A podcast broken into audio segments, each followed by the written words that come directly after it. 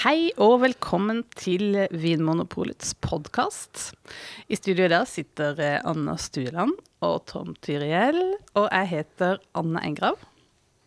Og i dag så skal vi snakke om drikke til vilt. Ja, det skal vi. Og det kan vi si noe om, fordi det har vi smakt, ikke sant? Jo, veldig nylig. Vi, vi gikk ganske grundig til verks, vil jeg si. Eh, vi gjør jo ofte det når vi skal teste ut eh, hva, hva som passer til ulike ting. Vi prøvde blant annet Eller vi begynte denne dagen Det var en dag med vilt eh, å drikke. Og vi prøvde da først blindsmaking av ulike typer viltkjøtt for å finne ut er det så lett å kjenne forskjell på, eh, på viltkjøtt. Ja, for det er jo ofte noe man begynner med når man skal finne ut hvilken drikke man skal ha. Hva skal du spise? Hvilket kjøtt skal du spise? Så tillegger vi det en del eh, viktighet, da. Ja. Og da må vi jo eh, sjekke ut om vi kan faktisk kjenne forskjell på disse ulike kjøtttypene. Mm. Tom, hva syns du? Var det greit? Det, det var eh, vanskeligere enn jeg trodde. Uh, um, vi, vi smaker jo kjøttet for å tenke liksom, hva passer det andre typer ting. Sånn eh, Aromaene gjør at vi kan matche andre typer viner eller tilbehør. Og, eh, men jeg så føler jeg det ikke jeg klarte å identifisere. Ja, og det var du ikke alene om. Det var gjengs eh, rundt bordet. Så, så var det mye som var ganske likt. Ja, hvis, hvis jeg hadde fått det helt blindt hvis jeg ikke, hvis, La oss si hvis dette kjøttet jeg fikk da, eh, var malt opp til en sånn fin grøt, og, sånn, og jeg ikke fikk se hvordan det så ut, så, sånn at det bare var aroma på kjøttet, så hadde jeg hatt problemer til også, og problemer med å skille en del av disse eh, fra hverandre. Men når de lå der som kjøttstykker, så kunne jeg jo se at noen av dem hadde liksom grove fibre, og de var også litt mer sånn tyggemotstand eh, de kjøttbitene. Og så var det noen som var liksom, liksom, veldig, veldig finfibra, som var nesten litt mer sånn melent. Og det, det gjorde at jeg liksom kunne tenke at ja, dette er nok fugl, og dette her er et større dyr. Altså store fiber, stort dyr. Og det stemte jo. Ja, det gjør det, ja. Men når det gjelder aroma, og, og her, har jeg, her har jeg lest at det, det står mange steder at vilt smaker mye. Det er et aromatisk kjøtt. Og da tenker jeg at der, der var det noen av kjøttbitene som smakte mer, som hadde mye av dette viltpreget, mens en del av de andre kjøttstykkene, det smakte mer som oksekjøtt. Det smakte ikke så veldig, veldig mye. Nei. Og så, og så vet vi også at jeg tenker på det kan smakes mer forskjell enn det vi kanskje vi klarte å detektere der og da. Sånn, men vi snakker jo om sånn antall hengedøgn, og om det har beitet uh, opp på fjellet eller nede i skogen eller ute på jordet og sånt noe. Det er en del ting som gir utslag der. Men allikevel, jeg si, konklusjonen blant alle disse, mange var vi, syv-åtte smakerne, var jo at det var en reell utfordring. Ja. Og man tenkte liksom at det, det skal jo smake vilt, alle disse her tingene sånn som fra, fra skogen, sånn som lyng og einebær og sopp og ting. da. Men det var ikke så lett å finne det. Nei, det var overraskende mye mildere enn eh, Mm. enn ideen min om viltkjøtt. Ja, Men jeg, etter denne prøvingen så har jeg da, når det gjelder viltaroma, altså smaken av vilt, eh, der har jeg topp tre, eh, basert på denne smakingen. Og det er da rein, rype, og nå hadde det vært fristende å ha et dyr til på R, men det har jeg ikke. Det tredje dyret mitt er da hval. Nå er det sikkert en del som tenker at det, hva har hval med vilt å gjøre? Eh, og eh, det er jo ikke eh, noe som vanligvis ligger i vilt eh, eh, frysedisken. Men allikevel så er det jo et pattedyr som lever eh, vilt og fritt ute i, ute i sjøen. Og det, var, det er noe vilt med smaken av hval. Og den er eh, markant. Det er et Ja. smaksrikt kjøtt. Så Derfor så har jeg på en måte de tre sammen. Rype, rein og hval. Og det handler jo da ikke om at de har spist lyng, hvalen, da. Nei. Det er noe annet. ja, ja. Men den har den der, liksom, dette sånn jernaktige, blodaktige preget. Syns jeg. Ja, og jeg tenker at man steker jo ofte vilt fordi det er lite fett der, sånn forsiktig, så du får ofte en blodrød kjerne. Men det er ikke helt det samme som en blodig biff for det, det som tenker på fra da kul okse. Mm, nei, det er sant. Det, så, så det er jo en forskjell allerede som er kanskje litt mer eh, er læreaktig, sånn blod, jernaktig og et eller annet sånt dypt mørkt og vilt. Nei, det er ikke det, men hva Eller vil du si det er det samme, Anders? At eh, den blodsmaken er det? Nei, det er noe som hm, Hvis jeg skulle sammenligne det med, med vin, så vil jeg si at det på en måte minner om mer en, mørk fruktighet. Det er noe uh, Ja, det er noe mer intenst og det blodaktige, og av og til også tenke at det har noe med bitterhet å gjøre. Og det er kanskje mest sånn rype, storfugl og sånt, når jeg liksom kjenner det der nesten sånn einerbitterheten nesten i kjøttet. Og, men eh, og av de kjøtttypene vi prøvde, så var det noen som da ikke smakte så fryktelig mye. Og der eh, har jeg da eh, elg, hjort og villsvin. Det er liksom de tre som jeg tenker ikke har så utpreget viltsmak. Men nå mistenker jeg at den hjorten vi hadde, var en sånn uh, newzealandsk uh, gresshjort. Altså en hjort som har på en måte blitt fòret opp på gress, da, og ikke som har vandret fritt og vilt på, på Vestlandet. Det kan, Det eh, kan være. ja. Det er mulig. for der uten tror jeg jeg det er litt forskjell, nemlig. Ja. Ja. Nei, men altså, vi konkluderte jo egentlig med, etter vi da hadde smakt disse uh, kjøttbitene uten å vite hva det var, og prøve å identifisere dyret Etter vi hadde gjort det, så smakte vi også mer sånn komplette viltretter, mer enn den der klassiske saus og potet og grønnsaker-varianten. Litt ulike varianter av det. Og det vi alle var enige om, eh, hvis ikke jeg tok helt feil, må dere korrigere meg, Mm. var det at det er tilbehøret som er det som er viktigst for når man skal velge drikke. Spesielt i viltmiddagen. ja, helt klart. Det er et magert kjøtt, forholdsvis mildt, men det har ikke veldig stor påvirkning på drikkevalget, egentlig. Egentlig, og da tenker jeg Og for å trekke inn den erfaringen vi hadde fra eh, som i stad, da, så vil jeg da kanskje si at eh, sånn gresshjort og, og elg og villsvin eh, Der har ikke råvaren så mye å si for vinvalget. Det blir nesten som oksekjøtt eller svinekjøtt, f.eks. Men kanskje Kanskje at eh, dette er veldig, sånn, veldig viltprega kjøttet, som reinsdyr og og hval og rype og annen storfugl. Eh, kanskje, kanskje det er der at det er noe med hovedråvaren som krever noe spesielt av vin. Det kan vi jo, kan vi diskutere. Mm. Tom, er du enig? Nei, jeg bare tenkte på at Man eh, pleier ofte å anbefale litt dyrere viner, og sånne klassiske viner også er sånn, regnet som det man skal drikke til eh, vilt. Eh, og viltkjøtt i seg selv også er jo ofte dyrt, så ikke du skyter det selv, men da koster det jo mye innsats og sånt nå. Ja, og peng, penger også. Og penger også.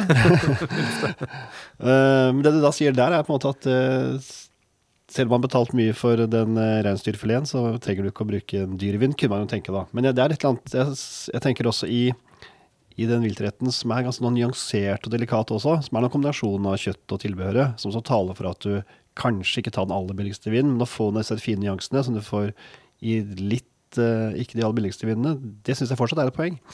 Absolutt, det er jeg helt enig med deg. For jeg tenker også, eh, kjøttet er jo egentlig ganske, skal vi si, litt sart. Eller det at det er så eh, lite fett i, at det er ganske magert. Og, og at det har tross alt eh, noe aroma som man ønsker å fremheve.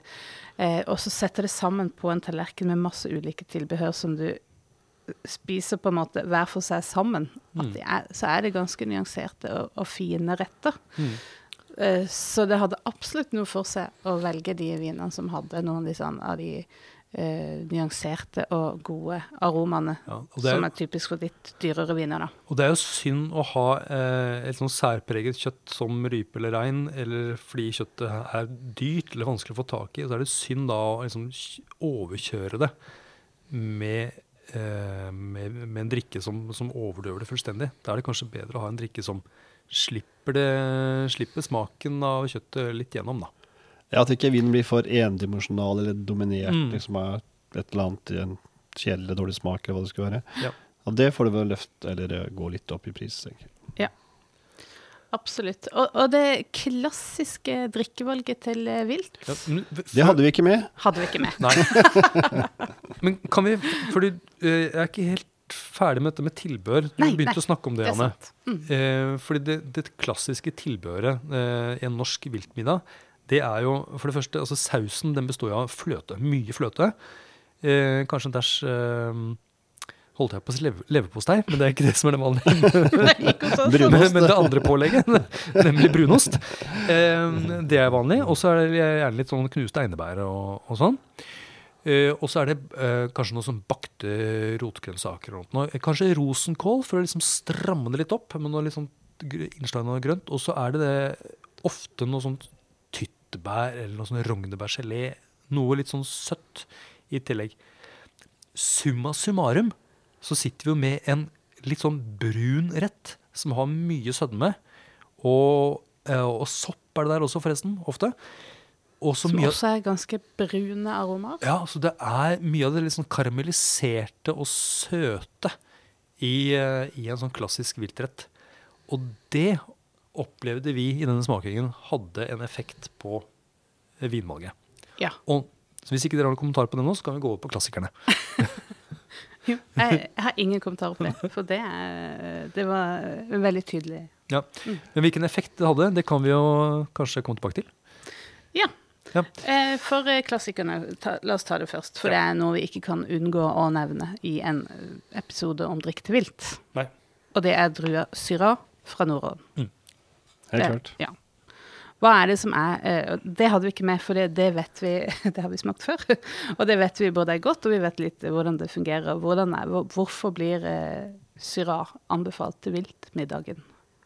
Ja, ta en en Cross Hermitage, da, eller en Cotroti, disse vinene. De, de er ren syra, og de har noen av disse her toner som jeg tenker både er det som er smaken av vilt, jeg tenker det, og, og at det er noe det tilbør man godt kan tenke seg.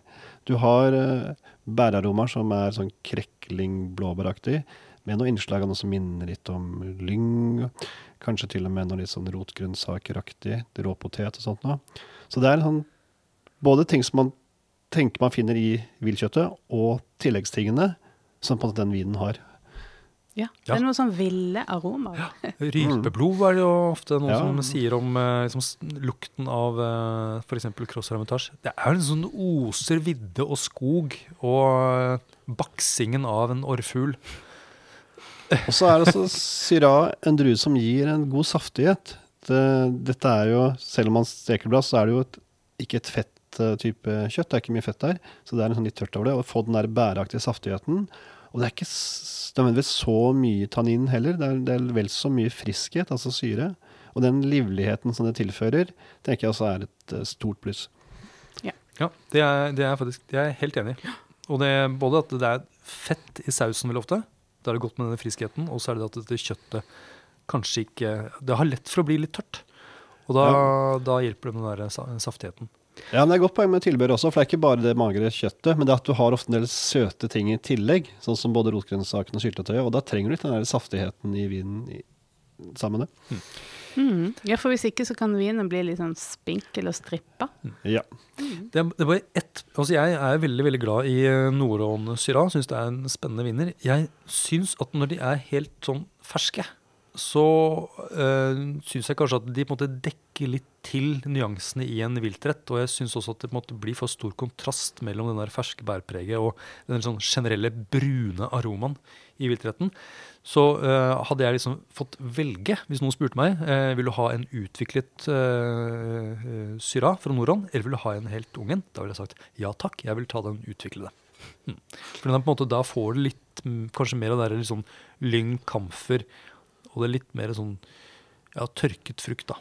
Jeg er enig i det, men jeg tenker du, skisserte dette som en ganske brun rett, og det er det ofte, spesielt kanskje rype, tenker jeg. De, de, Rypebrystene ligger jo ofte og trekker nærmest i den der fløtesausen, men når man har reinsdyr, så kan det like godt være at da er tingene mer atskilt, at du har det der mørke reinsdyrstykket der, så har du potetene eh, der, og rosenkålen, og det er mer sånn eh, som et flagg med alle fargene. Du har både rødt og grønt og brunt der.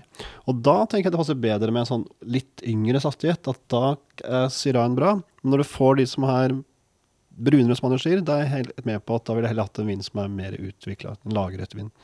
Ja, så hvis du vil fremheve det litt blodige viltkjøttet, viltfileten, da kan det være en god idé å, velge syra. Nettopp. Men hvis du da vil fremheve en mer sånn helheten i retten, så kan kanskje en utvikla vin eh, funke godt. Oh, ja. Og den funker også godt til sånn type steikeskorper i eh, stekt kjøtt, og, og, og kanskje også noe innkokt, eh, og ikke minst sopp, da. Helt klart. Ja, og det må ikke være Syrah, det er jo sånn blitt erketype, men det finnes i god Malbec fra Argentina, eller Grenache fra Frankrike, eller Shirazi Shiraz fra Australia også. Andre de saftige, mørke vinene kan også gjøre den jobben vel så bra. Men hvis det var én ting, eller eh, Hvis vi skal ta med oss si tre hovederfaringer da, fra den der eh, store viltsmakinga vår, så må man vel kunne si at utvikla vin generelt, både rødt og hvitt, faktisk, Ja. det var vel noe som utmerka seg som spesielt gode valg. Og hvorfor det? Ja, og dette har vi jo eh, vært borti tidligere, og at når vinen blir litt utvikla, så er det akkurat som den eh, deler seg opp i flere lag, på en måte. Og at det da blir lettere å smake maten gjennom vinen. Så en sånn nyansert rett Dette er min tolkning, da, som vi har uh, smakt. Eh, kommer da tydeligere fram med alle sine nyanser sammen med vin. Det er et bedre samspill. Ja, og det blir nesten som at du, når vinen er helt fersk, så er det på en måte som en helt ny T-skjorte. Da er bomullen litt sånn tjukk. Men når du har på en måte brukt den litt lenge, når du har utviklet vin, så begynner på en måte bomullsstoffet å bli litt Det blir veldig behagelig å ha på seg, men det blir også tynnere, sånn at ting, du ser ting litt lettere gjennom. Og sånn er det nesten Mindre kledelig. ja, Alt etter. men så, og sånn er det litt med utviklet vin også. At den, den slipper eh, maten litt mer gjennom. Jeg er helt enig i det. Og så syns jeg også at da, altså en god utviklet vin, en som er utviklet på en fin måte, har jo både innslag av en fruktighet som gjerne går mot at det er litt sånn tørket. Og så har den alle disse andre tingene som sopp og buljong, lær, tobakk og sånne spennende ting. Som, og da har, har vinen på en eller annen måte flere ting å spille på mot ulike elementer i maten. No, Mm. Og noe kan være litt Ja. kontrast, og noe kan være sånn aromaharmoni. Ja, jeg tenker for Selv om vi har snakket om uh, viltmåltidet som, eller, som en brun rett, så er det jo ikke sammensausa som en lapskaus heller. Det fine med en sånn godt tilberedt uh, viltmåltid er at du har, du har de nyansene. Det er veldig mange fine smaker som virker sammen. Og da er det litt dumt med nidimensjonal vin. Jeg tror det er noen grunn til at uh, de utvikla vinene, som nettopp tar for kompleksitet, mm. passer veldig bra sammen. Men, ja, Og ikke så mye Ja, Anders? Nei, jeg bare tenker, altså, Når vi da sier utviklet vin, eh, altså, det er jo uh, bare noen få forunt å ha en eh, og Jeg har ikke det. En, eh, en sånn kjeller full av utviklet vin. Nei, for da snakker er- vi om vin som er åtte-ti år gammel, kanskje? ikke sant? Ja, det tar jo en stund før Ja. vinen får disse, disse aromaene og blir en sånn eh, slitt bomullstrøye. eh, så hva Hvordan skal man få tak i sånn uh, Ja, man må jo ikke lagre det selv, heldigvis. Det Nei. finnes jo heldigvis gammel vin man kan få tak i også, som er ferdig lagret eh, når de kommer. Uh, Ja, Rioja Gran Reserva. Rioja Gran Reserva, for eksempel. Og det, det finnes jo blåer og Chiantier og sånt nå også, og Mm. Baroloer, så, så det, er, det er mulig. Det, Og så har vi faktisk på nettsiden vår så går det an å sortere på ulike vinstiler. Og vi har jo da eh, en vinstil som heter utviklet og nyansert. Eh, der, den gjelder både for Vi har for hvitvin og for rødvin. Og vi har faktisk eh, eh, per dag 2476 viner som er karakterisert som utviklet og nyansert, altså rødviner. Og så har vi 740 utviklede og nyanserte hvitviner. Wow. Så det kan jo være et utgangspunkt da, for oss å prøve oss å mm, finne en sånn eh, litt eh, viltvennlig vin. Mm. og eh, jeg tenker også på det med utviklet, så leser man jo flere steder at eh, det demper tannin, på en måte. Man vil gjerne at vinen skal være utviklet, for at da er tanninen bløtere. Men jeg, jeg tror ikke det er hovedårsaken. Kanskje det at du får frem litt av den der mer sødmefulle fruktigheten, som kanskje balanserer det litt ut. Men eh, det er ikke det som er poenget med en utvikling. Jeg tror det er mer det der komplekse aromaene, og at den ikke er den der ferske, litt tette fruktigheten ikke passer så bra. Mm. Og det med tannin igjen er vi kanskje tilbake heller til det med, med sødmefullt tilbehør og sånt nå. At uh, har du mye, en litt mager tanninrik vin og får det sødmefulle, så sitter du kanskje igjen med mye av det. Da blir den tanninstrukturen vel fremtredende, og vinen virker litt hard og tørr. Eh, og det er, litt interessant, for den andre eh, gode opplevelsen og sånn, andre erfaringer vi gjorde i den smakinga, er jo nettopp en vin med tannin. Men det er en hvit vin med tannin. Oransjevin. Ja. Oransjevin er jo en vinstil som faktisk går inn i gruppa hvitvin. Det kan være litt forvirrende, men det er jo lag, laga som en rødvin på hvitvinsdruer. Bra overgang. Tenkte vi skulle snakke noe om hvitvin, men du legger inn en så bra mellomvin. Det, Ja. Det er jo altså da rett og slett en eh, hvitvin med oransje farge, Ja, tannin ja. og aromer fra skallet i hvitvinsdrua. Ja, så hvis, hvis noen spurte meg hvordan vil du beskrive en oransjevin, en typisk oransjevin, så vil jeg jo si at den har en fruktighet som går mot noe eh, veldig moden frukt. Sånn gule plommer, aprikos, modne epler. Og så er det gjerne hint av noe sånn urter, balsam og te, og kanskje noe sånn krydder og kamfer og sånne ting. Um, oppå der igjen, så Det er komplekse viner med, med et litt sånt modent uttrykk. Og Tom, du har jo en gang sagt at det er viner som eh, kan virke gamle eh, selv når de er unge. Og det er kanskje noe av det som var liksom, forsen til oransjevin i denne prøvingen.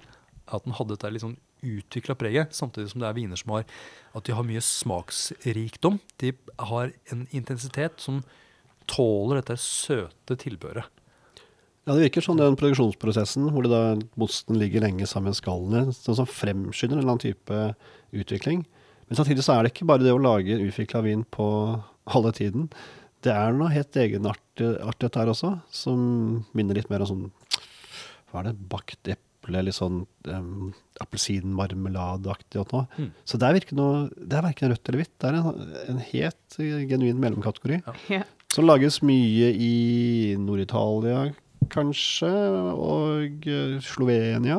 Georgia. Georgia, selvfølgelig. Mhm. Så har det jo, det har jo sånn spredd seg utover i hele verden, men kan vel nesten si sånn at eh, har du, eier du en vinmark, eller har du kjøpt en vinmark som har kostet fryktelig mye penger, så kanskje ikke du satser på oransjevin. Så det på en måte er, er jo litt typisk for eh, kanskje litt sånn ukjente områder, eller unge vinmakere som har etablert seg i eh, litt sånne odde steder. De kan kanskje lefle litt med oransjevin, da. Og det kan være en litt overraskende smak å tenke når man smaker det første gangen. Så tenk et eller annet sånn i retning av en litt sånn utvikla sider, kanskje. Hvis du har sansen for den type ting, så tror jeg også du vil like oransjevin. Ja. Ja, og det er Vel noen, verdt å prøve. Ja, og så er det noe med disse skallaromaene som får meg til å tenke nesten på litt sånn der når jeg går i en tur i skogen eh, i, på høsten. Hvorfor det der høstløv og lyng og disse aromaene her. Syns det er noe av det eh, i disse oransjevinene som kommer enda tydeligere fram da, mot uh, Også vilt. fargen. Også fargen. Der kanskje jeg blir litt lurt der, ja. Mm. Men det som var litt overraska, var at fordi vi tidligere så har vi snakket om oransjevin som litt sånn robuste viner, som tåler en trøkk. Og det er ofte fint noen ganger, sånn som til pinnekjøtt og sånt nå, som ikke er så nyansert som vilt, vil jeg si. Men der, der er det jo mye pinnekjøttsmak, altså foresmak og eh, Salt. Salt, ja. Eh, og så tenkte jeg ok, men til den mer viltet, så den hadde også det å spille på. Så jeg ble litt overraska over at den gikk så bra. Den, De fleste var enige om at oransjevin fungerte bra. Og den klarte seg til veldig mange ulike, altså mange forskjellige viltretter også. Det var jo, ja, Hmm. Ja, det er sant. Det var noe som var eh, faktisk lett å bli enig om. Og det, i et panel er det jo ikke alltid det er Nei. så lett. Eh, men en annen ting som også viste seg som en tendens i den smakinga, var jo det at hvitvin funka nesten like bra som rødvin. Mm. Hvis vi skal Ja. si det veldig sånn tabloid, da. mm. At uh, hvitvin er Gøy, det også. Ja, det er veldig gøy. Og vi har jo opplevd det tidligere òg, at eh, det er jo ikke nødvendigvis Rødvinsretter er jo ikke nødvendigvis rødvinsrett. Nei, men dette, dette her er nesten provoserende. For jeg tenker Det er greit nok å si at du kan ha en hvitvin til biff med bearnés, men at du skal komme drassende med en hvitvin til en viltmiddag, hvor det på en måte her Det er jo Ja, det er vilt. det oser jo av eh, Og nå for å Unnskyld meg, alle de damene som går rundt og jakter, men jeg liksom ser for meg at det, at det typisk er liksom mannen som kommer hjem med vilt, og han måtte ha ri- ribbet og eh, Drept. Drept, ja. Og så eh, da er det liksom rødvin. Er det ikke det? Ja, men ting har endra seg litt. Når man sitter Ja. på vinbar eller uh, kafé eller hva det skal være, så er- sitter jo ofte mannen der med hvitvin og kvinnene med rødvin. Så det, Ja, kanskje ja, det har vært en Den, utvikling der. Ja. Den tida er forbi. Ja da. Men det er ikke all hvitvin som er eh, Det er ikke all hvitvin som er like vellykka, da, til en sånn Nei, jeg tenker kanskje litt felles for det er det vi har sagt at vi har sånn mye smak og flere forskjellige smaker. Og jeg syns f.eks. Gewürztraminer, som er jo en vin som er masse En sånn fet, fyldig munnfølelse, men ikke så mye friskhet, den passet veldig bra. Det er munnfølelsen. Men det andre er sånn aromaer som passer til. Og den har en del aromaer som litt sånn rose blomst og eh, litt sånn eh, papaya, pasjonsfrukt, som kan være, være litt rart, da. Men akkurat denne varianten her hadde ikke så mye av det. Nei, for den hadde nesten litt sånn honning og aprikos og noe ja, sånn nype, nyperosehint. Altså en liten dæsj restsødme. Og litt restsødme. Og jeg syns også det var helt nydelig til.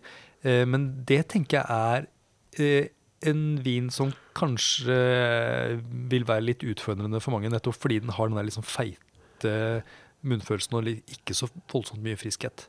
Nei, mer sånn sakemunnfølelse. Ja. Men eh, er, du nysgjerrig, verdt å prøve. Og kanskje fordi det var Alsace også, så hadde den ikke så mye av disse rosa blomstertingene som Grusraminen kan ha. I hvert fall ikke disse her. De var mer i retning av noe litt, litt mer dempa. Men det, det er tydelig smak. Ja.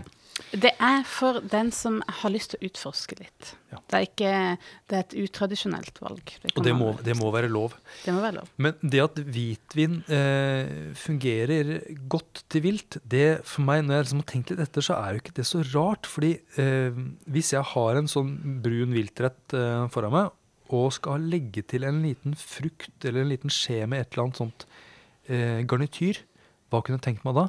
Jo, jeg kunne godt tenkt meg kanskje bakt eple, en syltet pære eller noe sånt noe. Det kunne jeg godt tenkt meg. Og det er jo aromaer du finner i i hvert fall utviklet uh, hvitvin. Ja. Og hvitvin som kommer fra litt varmere klima.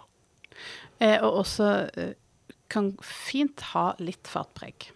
Ja. Det fungerte også. Som en hvit bordeaux eller hvit rioja. Mm. God forslag. Veldig bra. Mm.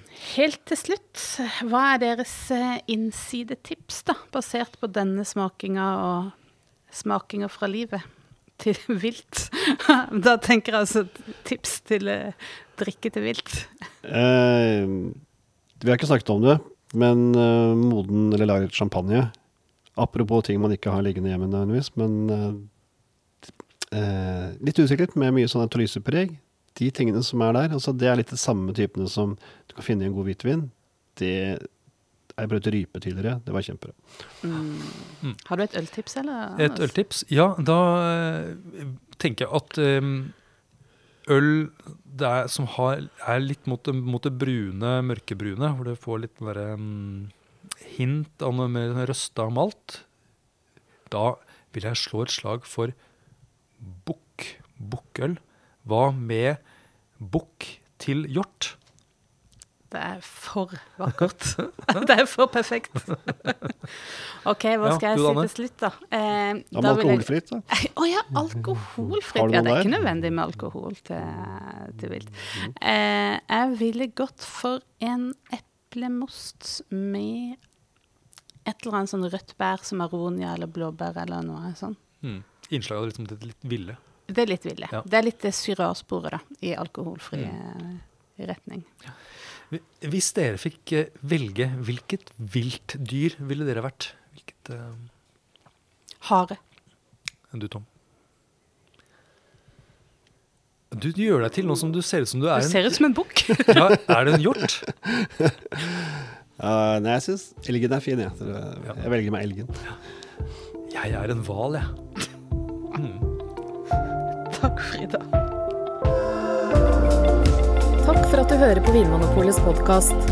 Har du forslag til et tema i podkasten? Send mail til podkast at vinmonopolet.no. I tillegg svarer kundesenteret deg på e-post, chat og telefon.